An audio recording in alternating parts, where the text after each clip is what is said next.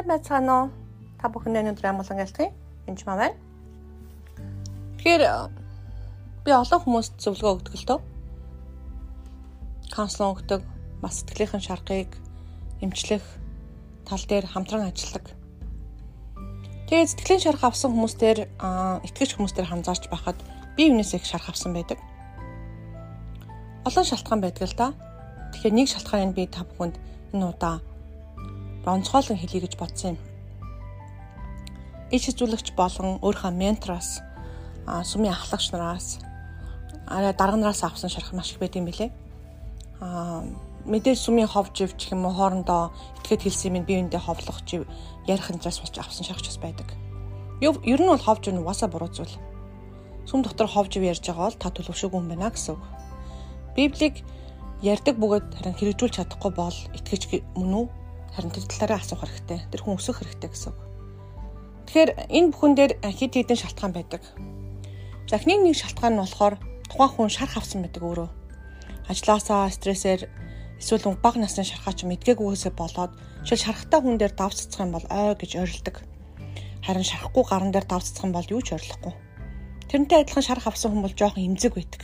Маш их амархан гомддог, стрессдэг, түнчлэн залхуурдаг, ядардаг жоох юм болоход л маш ядарч байдаг.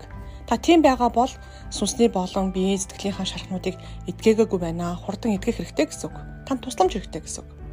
Энэ үед та доороо ажиллаж байгаа мó хамтарч байгаа хүмүүсээ өөрөө мэдгүй гомдоох тал бас байж болдог.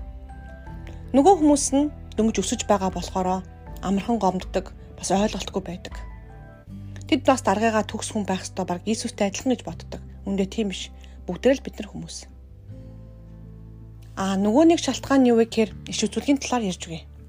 Иш үзүүлэгч гэдэг хүн тэгсэн, ингэсэн гэж маш ихэнх хүмүүс ярьж орж дээ. Энэ зөв буруу юу? Намайг ажилласаа гар гэсэн, энэ хүнээс сал гэсэн, нийл гэсэн гэл.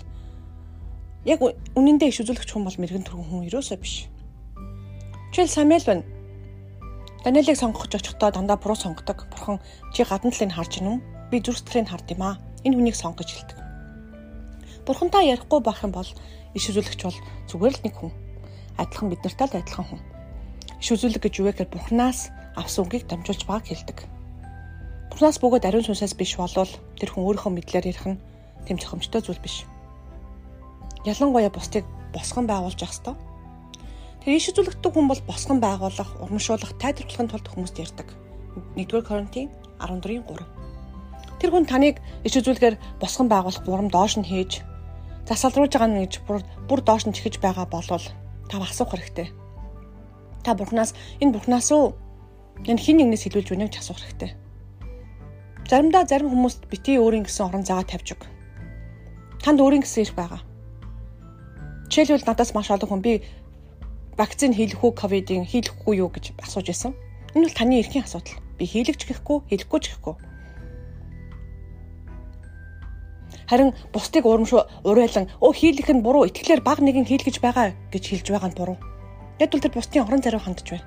Сонголт хийх хэрэглүү хандж байна. Бурхан биднэрт сонголт хийх эрхийг өгсөн. Байшингаа ямар дизайнтай барих уу, яах уу, дотор нь ямар тавь тавилга тавилга тавих энэ төр дээр бурхан бидний бүтээл чанарт харинч баярлаж байдаг. Бурхан биднэрт сонголт өгсөн. Тэгэхээр сонголт өгөхгүй ингэ тэг гэж зааварл нь таныг босгон байгуулахын оронд хавчин шахаж байгаа бол тиймэрхүү хүмүүсээс харин чухал бай. Ягаад гэвэл тэр хүн өөрөө шарахтаа буугаад тэрийг эдгээгүй хүн байна гэсэн үг. Үнэхээр жинхэнэ иш үзүүлэгч бол таныг үнэхээр босгон байгуулж тайлбарлаж урамшуулна. Хамтдаа босгон байгуулагдана.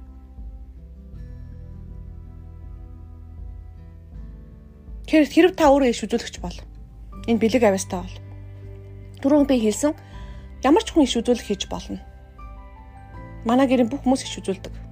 Бурханаас үг аваад биеиндээ дамжуулдаг. Гэхдээ бүгд иш үзүүлэгч гэсэн үг бирөөсөө биш. Бурхны дуу хоолойг сонстоо гэсэн үг. Угаасаа хонд нь хонжныхаа дууг сонсох ёстой. Харин иш үзүүлэгч гэдэг бол албан тушаал. Энэ албан тушаал дээр байгаа хүн маш их хариуцлагатай байдаг. Сүм чуулганыг босгон байгуулах гэж энэ хүн байгаа. Сүм чуулганы нураах, хооронд нь ховж хутгах, тараан буцрах биш. Христээр нэгдүүлэхэд нь тусалдаа гэсэн үг. Тийм учраас энэ тал дээр аль аль нь анхаарах ёстой гэсэн үг. Та хэрэг ич үзүүлэгчээ сонгогдсон бол Бурханаас Библиэлд сайн сууж, сайн үгийг ойлгож, та Библийн үгийг яаж ойлгосон бэ гэхээс илүү Бурхан танд юу гэж хэлчихсэн бэ гэдгийг сонсож сурах хэрэгтэй. Хайраар биш бол бид хингэрэг цаг болж хувирна. Тийм учраас хайрын дотор иш үзүүлэг явагддаг. Хайрын дотор босгон байгуулалт урамшуул явагддаг. Бүх юмний үндэс суурь нь бол хайр. Тэгээ бие биендээ зөвлөгөө өгтөө урамшуулж босгон байгуулаарай. Баярлалаа. Баяр таа.